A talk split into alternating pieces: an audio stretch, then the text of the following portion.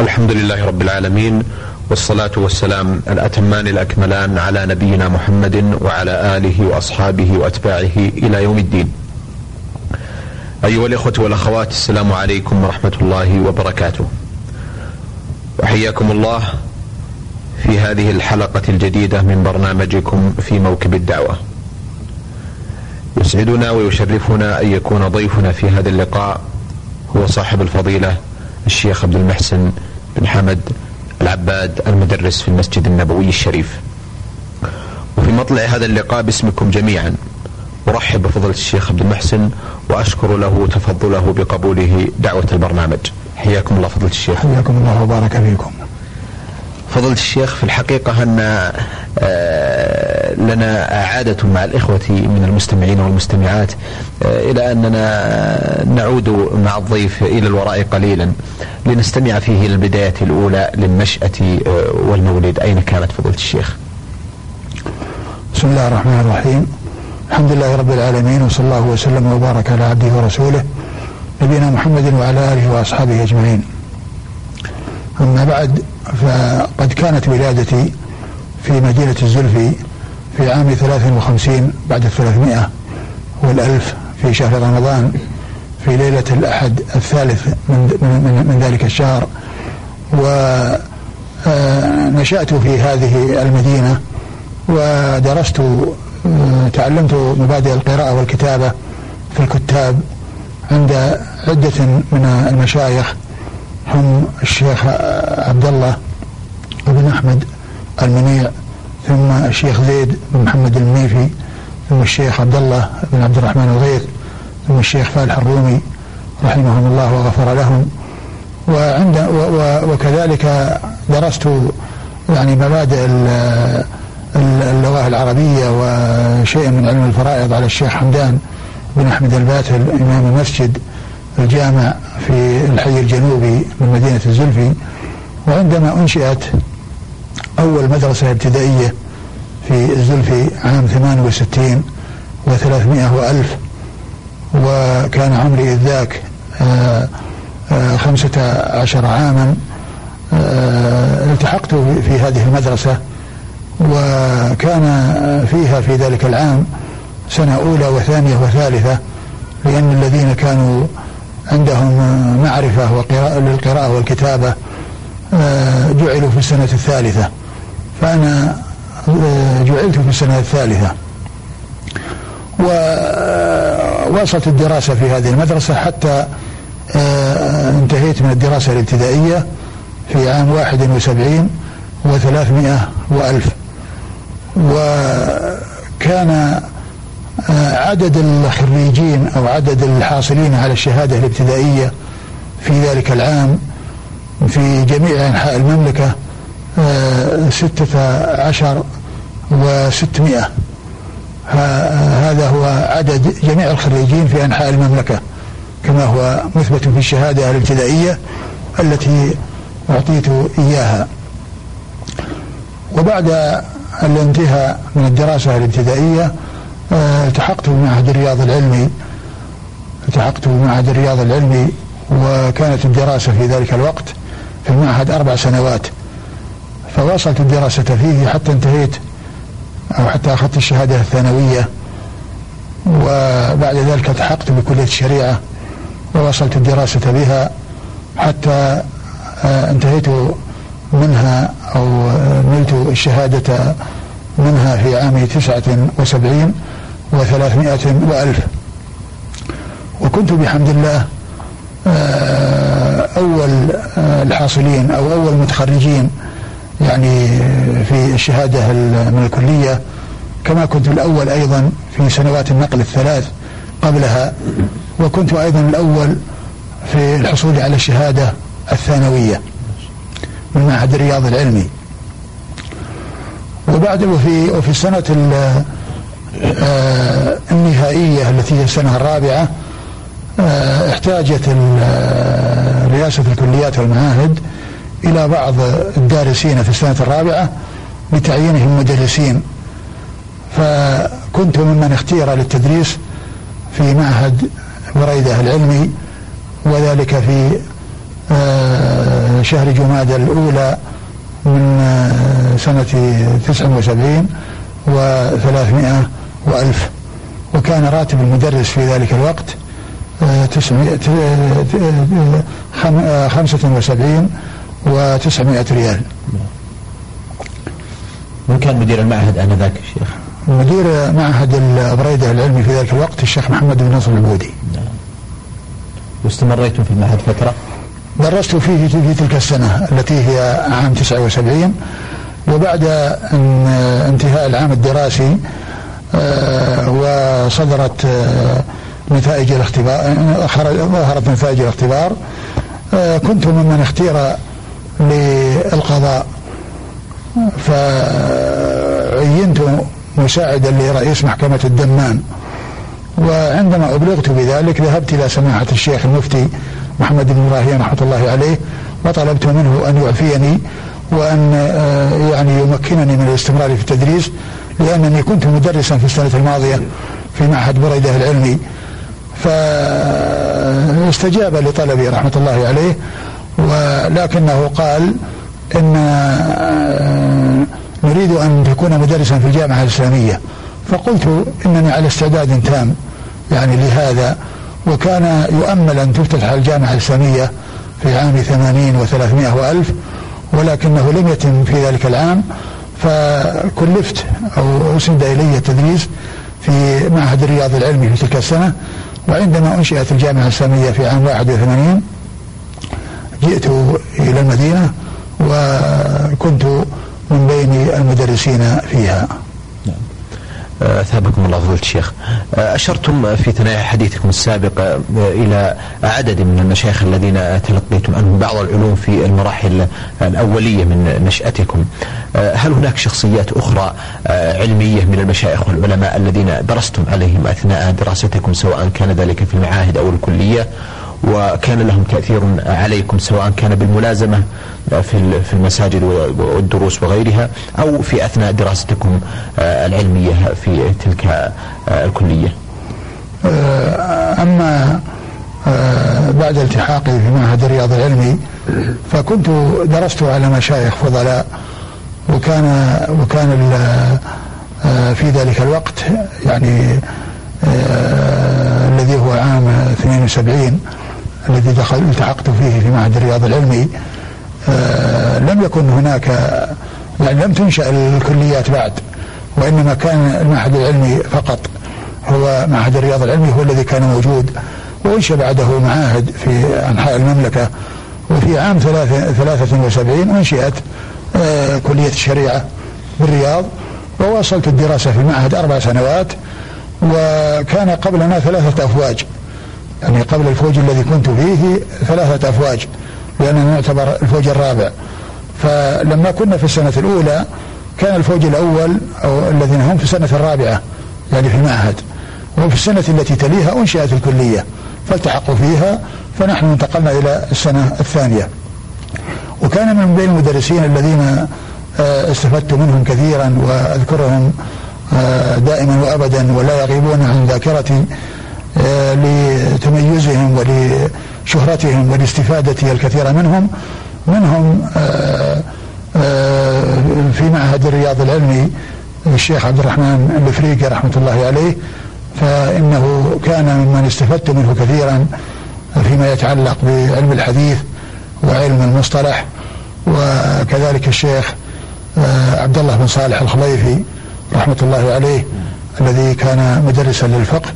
وقد استفدت منه كثيرا لا سيما من الأمور التي استفدتها منه والتي آه، التزمتها في التدريس فيما بعد هو أنه عند عندما يريد أن يبدأ الدرس يحصر المسائل التي يتكلم التي سيتكلم عليها في هذا الدرس. فيقول نتكلم في هذا الدرس على المسألة الفلانية والمسألة الفلانية ويعدها بأصابعه فإذا فرغ من عدها شرع فيها تفصيلا. وفي ذلك فيه فائدة عظيمة لأن الطالب يعني يكون على معرفة بما سيلقى عليه. وحتى لو نسي الشيخ شيئا منها آه، فإنه يذكره لأنه قد أخذ عدها أولا. فكنت استفدت منه هذه الفائدة العظيمة التي التزمتها في تدريسي فيما بعد.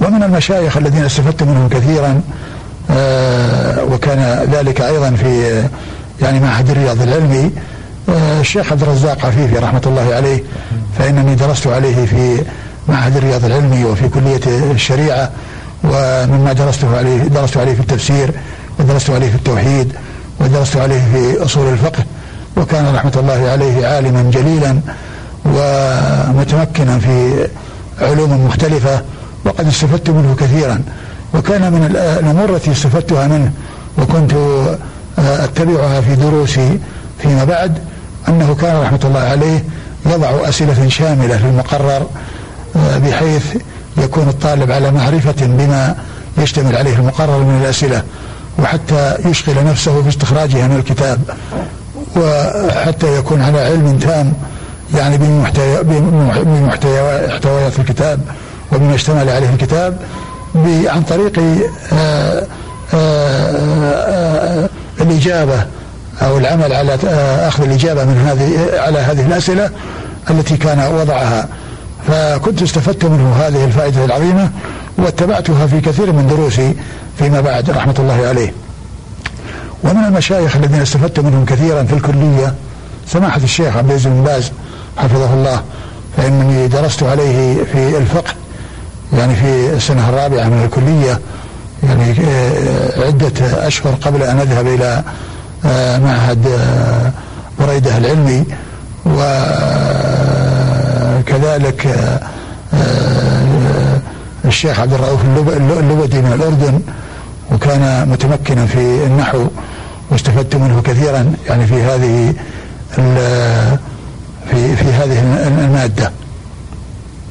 وهناك مشايخ كثيرون يعني آه، استفدت منهم كثيرا آه، يطول ذكرهم ولكن هؤلاء الذين ذكرتهم هم أشهر هؤلاء المشايخ. آه، رحم الله من توفي منهم ومد في عمري من بقي منهم على خير وجزاهم الله جميعا عني وعن المسلمين خير الجزاء. امين أثابكم الله فضلة الشيخ. أشرتم أيضا إلى بداية علاقتكم بالجامعة الإسلامية. وأعلم أنكم من أوائل الذين كان لهم جهودهم سواء في التدريس أو في افتتاح هذه الجامعة بمرافقة سماحة الشيخ عبد العزيز بن باز حفظه الله. تذكر لنا كيف كانت البدايات لانطلاقة هذه الجامعة المباركة التي أصبحت تؤتي أكلها كل حين ولله الحمد.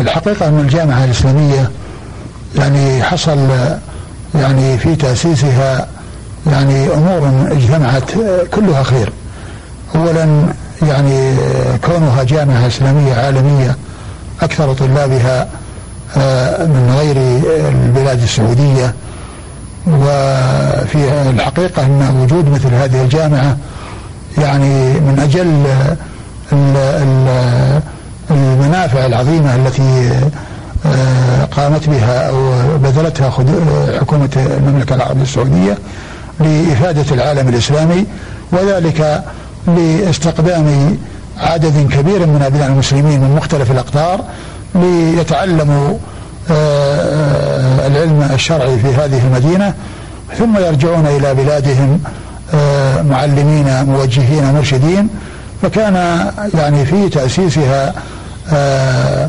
وهي جامعة إسلامية عالمية تستقبل أبناء المسلمين من كل مكان هذا يعني شيء عظيم. ثم أيضا من مما زاد يعني في آه، حسن آه، ذلك الحسن كونها في المدينة المنورة. في طيبة طيبة الطيبة مدينة الرسول الكريم صلى الله عليه وسلم. ثم مما زاد في ذلك اختيار سماحة الشيخ عبد العزيز بن باز حفظه الله ليكون هو المؤسس لها وليكون هو القائم على شؤونها والقائم بإدارتها وكان نائبا لسماحة المفتي رحمة الله عليه لأن رئيس الجامعة آه، مدة وجود سماحة الشيخ محمد إبراهيم هو آه، آه، الشيخ محمد إبراهيم هو رئيسها. والشيخ عبد العزيز بن باز حفظه الله كان نائبا له. وعندما توفاه الله عز وجل عين سماحة الشيخ عبد العزيز بن باز حفظه الله رئيسا للجامعة الإسلامية وذلك في عام آه، ألف عام تسعين وثلاثمائة آه، وألف. والجامعة الإسلامية آه، أنشئت في عام واحد وثمانين. وكان فيها في ذلك الوقت كلية واحدة هي كلية الشريعة وفيها معهد ثانوي وفيها معهد ثانوي يلتحق به من يتخرج من الابتدائي. وكان من فضل الله عز وجل علي أن كنت أول من ألقى درسا في كلية الشريعة وذلك في يوم الأحد الموافق اليوم الثاني من جماد الآخرة من عام واحد وثمانين وثلاثمائة وألف وكانت المادة مادة فقه. وكان هذا من توفيق الله عز وجل لي وفضله علي أن كنت أول من ألقى فيها درسا في هذه الكلية التي هي أول كلياتها. واستمرت الجامعة يعني على يعني ذلك. ليس فيها إلا كلية واحدة. وفي عام ستة وثمانين أنشئت فيها كلية ثانية وهي كلية الدعوة وأصول الدين ثم في عام أربعة وتسعين أنشئت كلية القرآن الكريم وفي عام خمسة وتسعين أنشأت أنشأ قسم الدراسات العليا في الجامعة وأنشأت كلية اللغة العربية وفي عام ستة وتسعين أنشئت كلية الحديث الشريف والدراسات الإسلامية. أثابكم الله فضيلة الشيخ. آه، أيضا بودنا أن نتعرف على آه، عملكم في الجامعة الإسلامية. كيف آه، كان وتدرجه؟ واين كانت أو كيف كانت الدروس التي كانت التي كنتم تلقونها في الجامعة وفي أي الكليات؟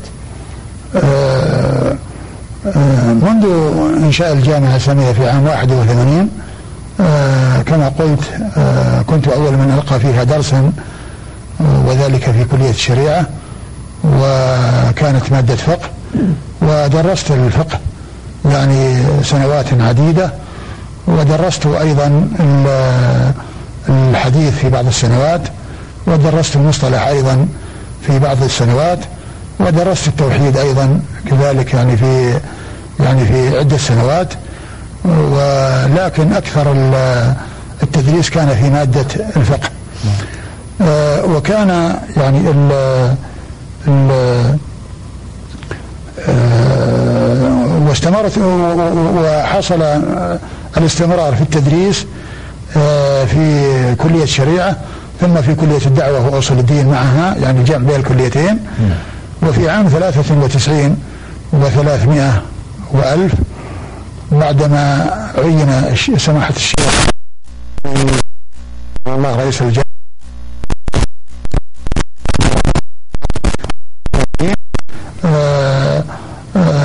طلب آه، من جلالة الملك فيصل رحمة الله عليه إحداث وظيفة وظيفة باسم نائب رئيس الجامعة الإسلامية فأحدثت تلك الوظيفة آه، في ميزانية آه، عام 93 و300 وألف. وطلب من سماحة الشيخ أن يرشح لهذه الوظيفة يعني من يراه. فاختار ثلاثة ورشحهم وكنت واحدا منهم وكان أن وقع الاختيار علي فعينت نائبا لرئيس الجامعة في في يوم الثلاثين من شهر رجب. آه، في عام ثلاثة وتسعين وثلاثمائة وألف. وكنت نائبا لسماحة الشيخ عبد العزيز حفظه الله مدة سنتين حيث كان موجودا في الجامعة وفي شوال عام 95 و300 وألف عين رئيسا لإدارة البحوث العلمية والإفتاء والدعوة الإرشاد. فكنت آه، في أربع سنوات تلت يعني انتقال سماحة الشيخ آه، رئيسا للجامعة بالنيابة إلى آه، شهر شوال من عام تسعة وتسعين وثلاثمائة وألف. وفي تلك السنوات الست التي كان الشيخ عبد العزيز بن باز حفظه الله موجود في سنتين منها وأربع منها كانت بعد انتقال سماحة الشيخ آه، حصل يعني للجامعة بحمد الله خير كثير. فقد آه، أنشئ فيها كلية القرآن في عام 94 وقسم الدراسات العليا في عام 95 وكلية اللغة العربية في عام 95 وكلية الحديث الشريف والدراسات الإسلامية في عام 96 وكانت آه، وكان آه، في الوقت الذي أنشئ فيه قسم الدراسات العليا سنة 95 عدد المدرسين السعوديين في الجامعة قليل قليلين جدا بالنسبة إلى غير السعوديين. ولكن بعد مضي عشرين سنة تماما وفي عام 1415 آه، طلعت إحصائية للجامعة الإسلامية وكان عدد المدرسين في الجامعة مئة في المئة. ليس فيهم متعاقد واحد. يعني بعد عشرين سنة من إنشاء قسم الدراسات العليا في الجامعة الإسلامية. أثابكم الله فضيلة الشيخ. آه، أيضا بودنا أن نتعرف على آه، جانب مهم من حياتكم وهو آه، تدريسكم في المسجد النبوي. لكم دروس لله الحمد قائمة ومعروفة ويحضرها العديد والكثير من طلبة العلم الذين يستفيدون من علمكم ومن تدريسكم. فضيلة الشيخ كيف كانت البداية لهذه الدروس في عام كم؟ وما هي الدروس التي تلقونها في حلقتكم بالمسجد النبوي الشريف؟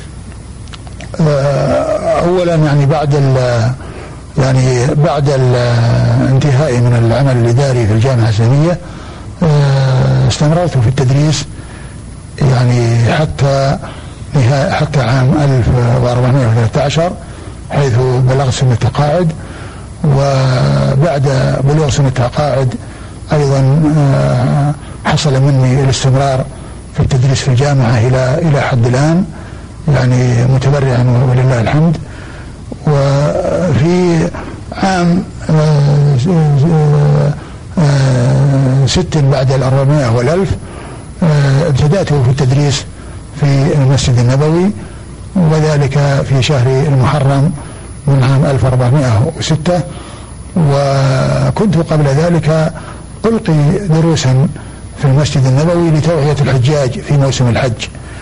ولكن آه، بدأ التدريس النظامي آه، وقراءة الكتب وتدريس الكتب آه، المعينة إنما حصل من أول عام 1406 وكان أن بدأت بالتدريس في صحيح مسلم حتى أكملته ثم بدأت بتصحيح البخاري بتدريس تصحيح صحيح البخاري حتى أكملته. وبعد ذلك بدأت بتدريس سنن النسائي حتى أكملته. وفي أول هذا العام الذي نحن على وشك انتهائه وهو عام 1419 آه، بدأت في التدريس لسنن أبي داود. وهذه هي وكنت آه، يعني أيضا في آه، بعض السنوات درست ألفية السيوطي.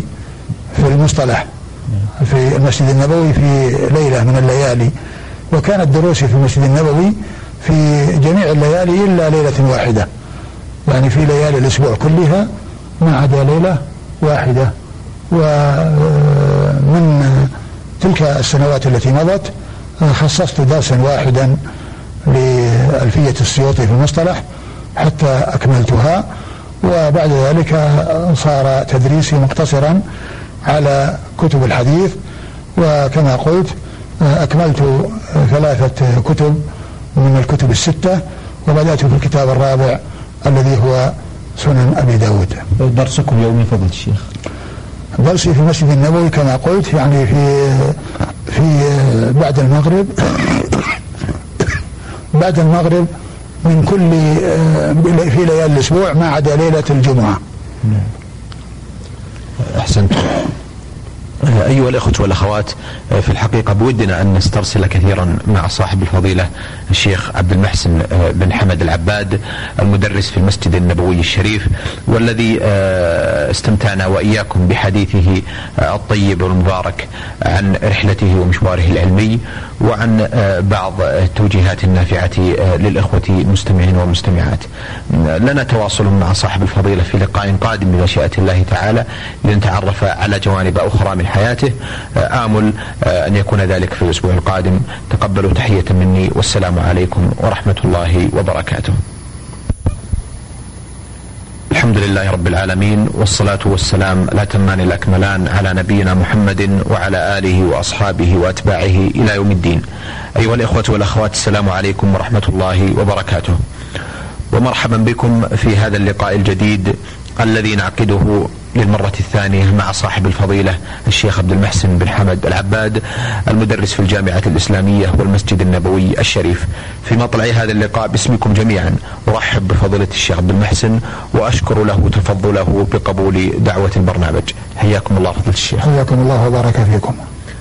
فضيلة الشيخ في الحقيقة كان حديثنا في اللقاء الماضي عن مشايخكم ونشأتكم وعملكم في الإسلامية منذ إنشائها. ثم عن دروسكم في المسجد النبوي الشريف. أجد أنها فرصة أيضا للحديث عن بعض الشخصيات القريبة منكم من العلماء الأفاضل الذين كان لكم صلة خاصة بهم أخص منهم في هذا المقام الشيخ عمر فلاتة رحمه الله الذي توفي قريبا وأعلم أن لكم صلة قوية ومتينة بفضيلة الشيخ عمر هل لكم أن تحدثونا عن هذه الشخصية العلمية رحمه الله. نعم آه هذا الرجل الحقيقة هو من أخص آه الرجال الذين تجمعني بهم صلة قوية وبيني وبينه مودة عظيمة وذلك في الله ومن أجل الله. فهو رجل آه ذو علم وخلق. وقد تعرفت عليه منذ قدمت المدينة في عام واحد وسبعين وثلاثمائة وألف وحصل الاتصال معه كثيرا لا سيما في رحلات في خارج المملكة في تعاقد مع مدرسين للجامعة الإسلامية وكان ذلك للأردن وسوريا ولبنان ومصر. وقد عرفته من خلال اتصالي به الطويل وكذلك سفري معه. عرفت فيه العلم والفضل والعبادة والتقى رحمة الله عليه. وكان رجلا فاضلا ورجلا ذا خلق كريم وذا علم وحرص على نفع المسلمين. وحرص على التوعية والتوجيه والإرشاد إلى الخير. ومن مزاياه رحمة الله عليه أنه كثير الدعاء لولاة الأمر في هذه البلاد. ومن المعلوم أن من علامة أهل السنة الدعاء لولاة الأمور وعلامة أهل البدعة الدعاء عليهم كما ذكر ذلك الحسن البربهاري في عقيدة أهل السنة. فكان رحمة الله عليه ذا آآ آآ يعني ذا علم وخلق و تجمع تجمعني به يعني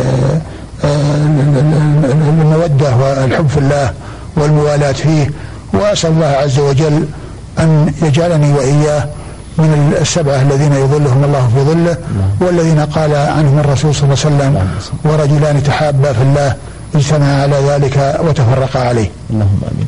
كانت له دروس الشيخ عمر في المسجد النبوي، ماذا كانت دروس؟ نعم كانت له دروس في المسجد النبوي وكانت يعني في الحديث غالبها في الحديث وكان رحمة الله عليه آآ آآ درس في المسجد النبوي تسعة وأربعين عاما.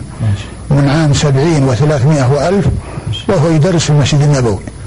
إلى أن توفي في اليوم التاسع والعشرين من شهر ذي القعدة من هذا العام 1419 وكان أيضا رحمة الله عليه ملازما للحج وقد حج 53 حجة لأنه رحمة الله عليه آه، حج سنة 65 وكان ملازما الحج حتى عام 1418 ولم يتخلف عن الحج إلا سنة واحدة بسبب تمريض مريض كان يعني عنده في وقت الحج فتخلف عن الحج في تلك السنة. وكانت آه، يعني حجاته هذه الكثيرة رحمة الله عليه فهو ذو عبادة وذو تقى وذو نصح للإسلام والمسلمين رحمة الله عليه. رحمه الله. آه، هل هناك فضل الشيخ آه، يحسن أن يذكر بعض المواقف التي جمعتكم مع الشيخ عمر آه، في بعض الأشياء؟ الشيخ عمر رحمة الله عليه كان يعني مجاورا لي في الحلقة في المسجد النبوي فهو قريب مني وكثيرا ما أسمع صوته الجهوري يعني يصل إلي فيعني فكان مقر حلقته قريب من المكان الذي يدرس فيه في المسجد النبوي. وكان يعني يعني من الأشياء التي المواقف التي يعني جرت بيني وبينه وكان بين بيني وبينه مداعبة ويعني وكان رحمة الله عليه يعني ذا دعابة طيبة. فكان من الأشياء الغريبة والأشياء اللطيفة ومن عجيب الاتفاق ان أنني كنت أذكر يعني عندما أتكلم معه وأقول إن إنه كبير وأن الشيخ عمر كبير وأنه كبير السن و فكنت يعني في بعض الأحيان إذا رايت كنت وإياه رأيت شخصا يعني كبيرا قلت هذا يعني من جماعة الشيخ عمر أو من جنس الشيخ عمر. فكان من الأشياء الغريبة والأشياء اللطيفة التي قد حصلت أننا يعني ذهبنا إلى عرفات في سنة من السنوات ولما آه، جئنا إلى مخيم التوعية في عرفات وإذا فيه رجل كبير السن قد شاب منه كل شيء حتى حاجباه. فقلت للشيخ عمر هذا من من جماعتك. أو هذا من يعني آه، أسنانك فضحك. وكان من عجائب الاتفاق أننا لما جلسنا وتحدثنا وإذا الرجل يقول إنه تلميذ لي أنا أنني درسته في في الرياض في مدرسة ليلية ابتدائية في عام آه، يعني يمكن 1374 وكان يعني هو من بلاد زهران وأنا لا أعرفه. ولكن بعدما جرى الحديث قال أنك درستني في المدرسة الفلانية. يقول الشيخ يقول لي أنا. لك أنا. أنا أنا, أنا يعني سبحان الله. يقول إنك درستني في وكان الشيخ عمر أخذها علي. فكان يردد يقول أنت تلميذ عبد المحسن؟ أنت تلميذ عبد المحسن؟ يعني يريد يريد رحمة الله عليه أن يقلب المسألة علي. نعم. لأنني قلت إن هذا كبير مثلك فصار تلميذا لي في النهاية. نعم. ومن العجائب إن هذا حصل في عرفات. في هذا المكان الذي يجتمع في الأمم الكثيرة ثم يأتي هذا الشخص الذي درسته في مدرسة ابتدائية. وكنت في آه، في وقت تدريسي في وقت دراستي في معهد الرياض العلمي وكليه الشريعة أدرس متبرعا في المدارس الليلية الابتدائية. وكان الذين يدرسون في ذلك الوقت موظفين لأنهم لا يتمكنون من الدراسة في النهار فكانوا يدرسون في الليل. وكنت أدرسهم أو ممن يدرسهم. فكان هذا الشخص يعني ممن درسته.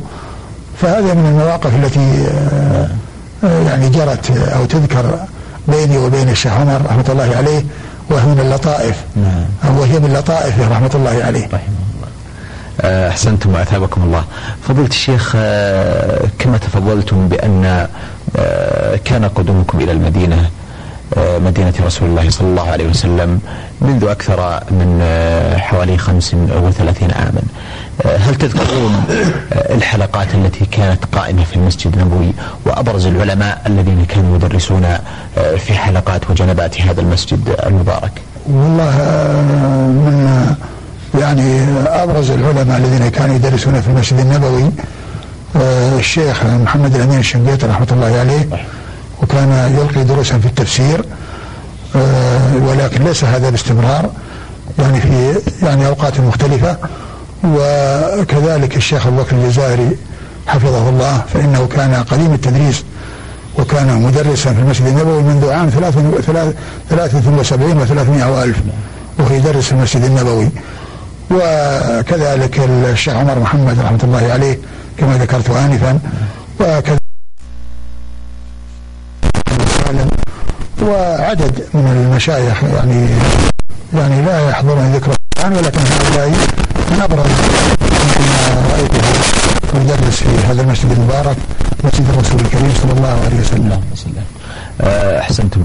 آه، فضيلة الشيخ أيضا أجد انها فرصه آه، مواتية أيضا للحديث عن بعض الشخصيات التي عاصرتموها وهي شخصيات علمية دعوية مباركة كان لها أثرها ونفعها. أذكر على سبيل المثال أيضا الشيخ حماد الأنصاري هل لكم تذكرون عن هذا العالم الفاضل شيئا من أخباره وشخصيته؟ الشيخ حماد الأنصاري رحمة الله عليه رجل فاضل ورجل عالم وقد يعني شغل وقته في العلم وحفظ وقته فيما يعود عليه بالخير فكان عنده مكتبة عظيمة كبيرة وكان فاتحا أبوابها للطلاب يأتون ويستفيدون من مكتبته ومن علمه وتوجيهه وإرشاده رحمة الله عليه. وكان مولعا باقتناء الكتب آه، الحديثية سواء كانت تتعلق بمتون الحديث أو شروحه أو آه، رجاله أو علم المصطلح وكذلك التفسير. كان معنيا بذلك رحمة الله عليه وكان له عناية وولع بالمخطوطات. وجمعها وتصويرها وكان راتبه رحمة الله عليه يعني يذهب في شراء الكتب واقتنائها وتصوير المخطوطات وكان رحمة الله عليه يجلد كل ما يقع في يده ولا يدخل ولا يودع في مكتبته إلا كتابا مجلدا. حتى ولو كان مختصرا ولو كان صغيرا فإنه يجلده. ولهذا مكتبته آه، كلها مجلدة. يعني ليس فيها يعني شيء يعني ورق من غير تجليد. وكان رحمة الله عليه كما ذكرت يعني هو مدرسا في هو مدرس في الجامعة الإسلامية وقد آه، يعني آه، اتصلت به كثيرا ولقيته كثيرا واستفدت من علمه وفضله رحمة الله عليه. آه، فضيلة الشيخ ننتقل إلى جانب آخر. آه، نشاطكم العلمي في مجال التأليف هل لكم هناك بعض الرسائل والكتب التي دونتموها وكتبتموها؟ آه، قبل ذلك أحب أن أشير إلى شخصية يعني أكرمني الله عز وجل بملازمتها ومرافقتها ألا وهو سماحة الشيخ عبد العزيز بن عبد العزيز عبد العزيز بن عبد الله بن باز حفظه الله حيث وفقني الله عز وجل أن أكون بصحبته لما جاء للجامعة الإسلامية ولازمته يعني في المدة التي مكثها وهي خمسة عشر عاما يعني في الجامعة الإسلامية واستفدت من علمه وفضله رحمة الله عليه. وكان يعني آه، وكنت يعني آه، أحضر إلى مجلسه كثيرا وأستفيد من علمه وتوجيهه. وبعد أن صرت نائبا للجامعة الإسلامية كثر اتصالي به ومن أجل العمل وما يتعلق بالعمل. وكان رحمة الله عليه آه، من الأشياء التي أذكرها أنني جئت إليه في يوم من الأيام فقال إنني رأيت البارحة. يعني رؤيا وهي أنني أن هناك بكرة يعني جميلة وأنني أقودها تسوقها فأولت ذلك بالجامعة الإسلامية. فأولت ذلك بالجامعة الإسلامية. وقد كان ذلك رحمة الله عليه. فإنه كان هو الذي قادها وهو الذي سار بها وهو الذي ابتداها. وأنا يعني صرت وراءه بعدما ذهب أربع سنوات آه، قائما بالعمل بها. نعم. فضل الشيخ هناك كتب أو مؤلفات دونتموها في هذا المجال؟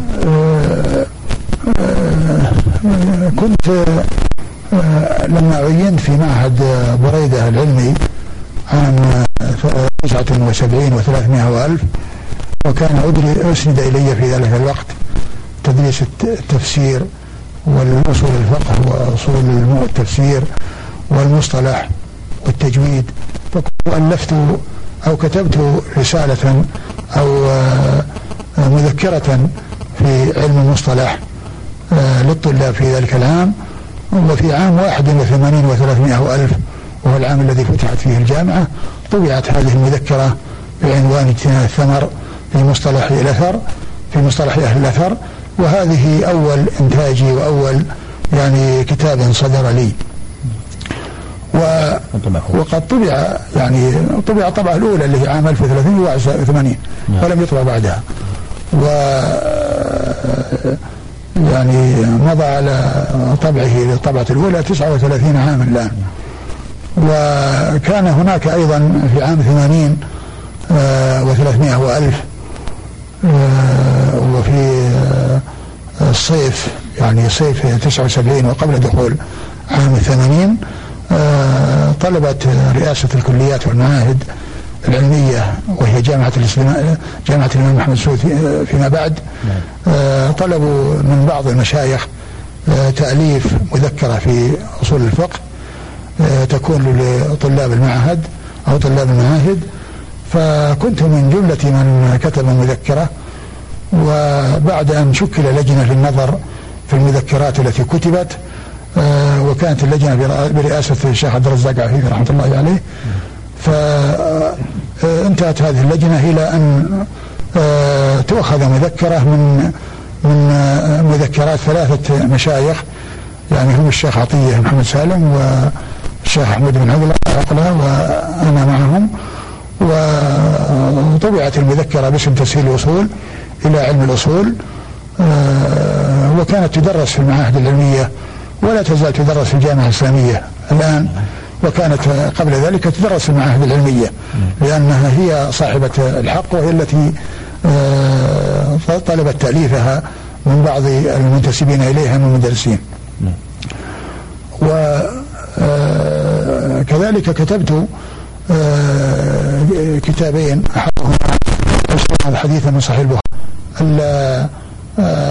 ولما درست صحيح البخاري قرأت فتح الباري وكنت أدون بعض المسائل المهمة وبعد انتهاء التدريس تدريسي لصحيح البخاري رأيت أن أجمع هذه الفوائد المتفرقة والتي كتبتها يعني سابقا ولاحقا وطبعت بعنوان الفوائد المنتقاة من فتح الباري وكتب أخرى وكانت ذلك الكتاب يشتمل على 655 آه، فائدة. آه، وهذا هو يعني آخر آه، الذي طبع لي أخيرا الذي هو كتاب الفوائد المنتقاة من فتح الباري وكتب أخرى نعم. يعني هذه الأشياء التي طبعت مما كتبته نعم. ثابت الله شيخ في الحقيقة أن يقول في الآونة الأخيرة آه، أن علم مصطلح الحديث و آه، الحديث عنه والبحث فيه آه، أصبح أقل من يتقنه ويجيده. وكثر العزوف عن هذا العلم. ترى فضيلة الشيخ ما هي أسباب ذلك؟ وألا ترون أن هناك تقصير من بعض العلماء في تخصيص بعض المجالس لهذا العلم ونشره وبثه في آه، صدور طلبة العلم جميعا. والله علم الأصول الحديث المصطلح علم عظيم وعلم مهم لأنه يعني آه، آه، يعرف به صحة الحديث وضعفه ويعرف فيه رجاله ومن يقبل منهم ومن من يعول على حديثه ومن لا يعول على حديثه. فهو في الحقيقة يعني هو أساس يعني علم الحديث. ولهذا يعني الحديث يعني يحتاج إلى معرفة رواية ودراية رواية ودراية وهذا يعني يعني علمه دراية لأن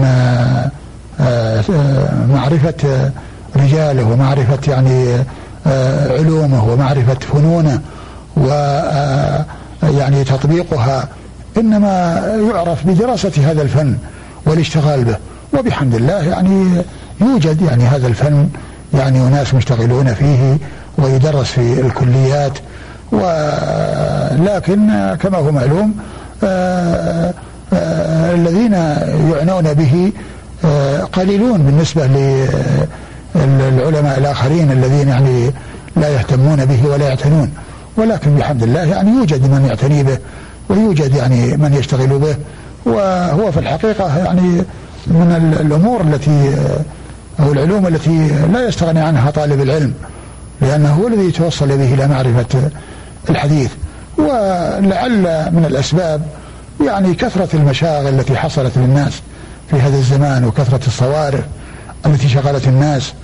يعني حتى صار الاشتغال يعني بالعلم يعني آه ليس كما كان الأمر من قبل لما كانت الصوارف غير موجودة وكان طلاب العلم يعني يقبلون على العلم ويشتغلون به ويهتمون به فكان تحصيلهم أكثر ونفعهم أكثر. ولهذا يعني آه، آه، اختلف آه، حال الناس عما كان عليه الناس قبل. فالجد والاجتهاد في المتأخرين ليس كالذي حصل للمتقدمين. أثابكم الله فضيله الشيخ. هناك من يرى أيضا أن الخدمة التي قدمت لكتب الصحاح والسنن والمسانيد أغنت كثيرا عن هذا الأمر وما قام من جهود بعض العلماء في ذلك. والله كما هو معلوم كما يقولون كم ترك الآخر الأول الآخر. المتأخرون لا يستغنون هم لا بد من أن يرجعوا إلى كتب المتقدمين وأن يستفيدوا منها وأن يعني يبرزوا ما فيها وأن يعني يجمعوا المسائل المختلفة وأن يعني يوثقوها وأن يعتنوا بها. فلا شك أن أن أن من يريد أن يشتغل في هذا العلم يجد آه، مجالات واسعة. لا يقال أن أن ما فعله آه، الأولون يعني آه، يعني لا يجعل الناس يعني يشتغلون بل يشتغلون وعليهم ان يشتغلوا. وبحمد الله يعني كما هو معلوم يعني حصل يعني في الدراسات العليا يعني رسائل جامعية يعني تتعلق في آه، منها ما يتعلق بالمصطلح ومنها ما يتعلق بالعلوم الأخرى. وفي ذلك يعني فوائد يعني عظيمة وجمع لشتات يعني مسائل متفرقة. معلوم الإنسان لا يأتي بشيء يعني يخالف ما كان عليه الناس من قبل ولكن يستفيد من كلام المتقدمين ويجمع شتاته وينظمه ويرتبه ويقدمه للناس آه، بحيث يتمكنوا من الاستفادة به على وجه منظم. آه، تكون الفائدة أكمل وأتم لا سيما يعني ما صار أخيرا من العناية بالفهارس آه، المختلفة للكتب المتنوعة التي كان يصل الإنسان إلى مقصوده بسهولة يسر ويسر بخلاف ما كان الأمر عليه من قبل قبل أن توجد الفهارس فإنه لا يتأتى ذلك إلا بمطالعة الكتاب حتى يصل الإنسان على إلى بغيته. وأما الآن فإنه يستطيع أن يصل إلى بغيته بواسطة الفهارس بسهولة ويسر. اثابكم الله. آه، فضيلة الشيخ آه، قبل أن نختم هذا اللقاء قد نسأل سؤالا شخصيا بحتا وهو هل لكم تأثير أو توجيه لأبنائكم نحو التوجه لبعض التخصصات الشرعية التي آه، لكم عناية واهتمام خاص بها؟ والله أنا يعني الحقيقة أحث الطلاب دائما وابدا على اتباع السنة والالتزام بمنهج السلف والعناية يعني بما كان عليه سلف هذه الأمة والحذر من الطرق المنحرفة والمناهج آه، التي انحرفت عن الجادة وأن يكون الجميع على ما كان عليه رسول الله صلى الله عليه وسلم وأصحابه لأن في ذلك لأن في ذلك السلامة والنجاة وكنت آه، يعني آه، كما هو معلوم أنا أدرس في الجامعة الإسلامية مادة العقيدة الآن نعم. وأحثهم على معرفة العقيدة على منهج السلف وعلى طريقة السلف والحذر من طرق المتكلمين وطرق آه، يعني أهل الكلام التي هي مخالفة لما كان عليه سلف هذه الأمة. وأوصيهم بالعناية بأن يرجعوا إلى الكتب المتقدمين الذين ألفوا في العقيدة وهم الذين يؤلفون المؤلفات في العقيدة على آه، يعني بالأسانيد ويثبتون الأحاديث والآثار يعني مثل الكتب التي ألفت باسم السنة مثل السنة لابن أبي عاصم والسنة لعبد الله بن الإمام أحمد والسنة للالكائي وكذلك التي ألفت بالإيمان مثل كتاب الإيمان لابن مندة والإيمان لابن أبي عمر العدني والإيمان لابن أبي شيبة والإيمان لأبي عبيدة القاسم بن سلام وكذلك التي ألفت في الرد على الجهمية وهي يعني تبين العقيدة وترد على المخالفين في العقيدة. آه، آه، ومنها كتاب الرد على الجهمية للإمام أحمد ورد على الجهمية لابن منده. ومع الأسف الشديد أن بعض آه، أصحاب المناهج الجديدة يعني يقللون من شأن الاشتغال ب معرفة الفرق الضالة المتقدمة ويقولون أن الاشتغال بها اشتغال مع الأموات ونحن نقول أن هؤلاء الأموات ورثهم أحياء ولكل قوم وارث. وفي هذا الزمان من هو وارث لأصحاب هذه الفرق المتقدمة؟ وكما يقولون لكل لكل قوم وارث فوراثهم موجودون. ولهذا فإن الكلام على عدم الاشتغال يعني بمعرفة الفرق المنحرفة وبيان الردود عليها أن أن هذا آه، فيه تساهل في أمر العقيدة. بل الأمر يعني يجب أن يكون آه، العناية بمعرفة المناهج التي آه، تقدم أصحابها ووراثها موجودون. وكذلك المناهج الجديدة المنحرفة كل هذه يجب التصدي لها. ويجب التحذير منها. وكذلك يعني مما يعني أرغب فيه الحث على دراسة الحديث وعلى دراسة المصطلح ومعرفة أحاديث الرسول صلى الله عليه وسلم ومعرفة ما يصح وما لا يصح. لأن هذا هو الذي به معرفة ما قاله رسول الله صلى الله عليه وسلم حقا وما لم يقله وما يتبع وما لصحته وما لا يتبع لضعفه. فكانت هذه الأمور من الأشياء التي يعني أعنى بتنبيه الطلاب عليها وحثهم عليها والعناية بها. نعم. أحسنتم وأثابكم الله. آه، أيها الإخوة والأخوات كنا وإياكم طوال هذه الدقائق مع صاحب الفضيلة الشيخ عبد المحسن بن حمد العباد المدرس بالجامعة الإسلامية والمسجد النبوي الشريف. آه، أنسنا وإياكم طوال آه، هذا الأسبوع الأسبوع المنصرم بحديثه الطيب والمبارك عن آه، حياته وعن جهوده في العلم والدعوة. نسأل الله عز وجل أن يبارك في علمه وعمله وأن يمتعه بالصحة والعافية وأن ينفع به الإسلام والمسلمين. هل لكم فضلة الشيخ في ختام هذا اللقاء من كلمة أخيرة؟ أه أه كلمتي للأخوة المستمعين أن يحرصوا على تقوى الله عز وجل وطاعته وطاعة رسوله صلى الله عليه وسلم لأن تقوى الله عز وجل فيها كل خير وفيها كل صلاح وفلاح في الدنيا والآخرة. والله تعالى يقول من يتق الله يجعل له مخرجا ويرزقه من حيث لا يحتسب ويقول من يتق الله يجعل له من أمره يسرا ويقول من يتق الله يكفر عن سيئاته ويعظم له أجرا فالمسلم في هذه الحياة الدنيا عليه أن يحرص على الملازمة لتقوى الله عز وجل والبعد عن المعاصي وأن يكون آه، مقبلا على العبادة آه، وصابرا عليها ولو شقت على النفوس لأن العاقبة حميدة وأن يصبر عن المعاصي ولو مالت إليها النفوس لأن العاقبة وخيمة. فلا بد من الصبر على طاعة الله ولا بد من الصبر عن معاصي الله والرسول الكريم صلى الله عليه وسلم يقول آه، حفت الجنة بالمكاره وحفت النار بالشهوات وأسأل الله عز وجل للجميع التوفيق والتسديد. اللهم آمين. آه، في ختام هذا اللقاء باسمكم جميعا آه، أكرر شكري وتقديري لفضيلة الشيخ عبد المحسن بن حمد العباد على قبوله دعوة البرنامج. سائل المولى عز وجل أن يجمعنا وإياه في مناسبات مباركة أخرى. نلقاكم بإذن الله على خير. والسلام عليكم ورحمة الله وبركاته.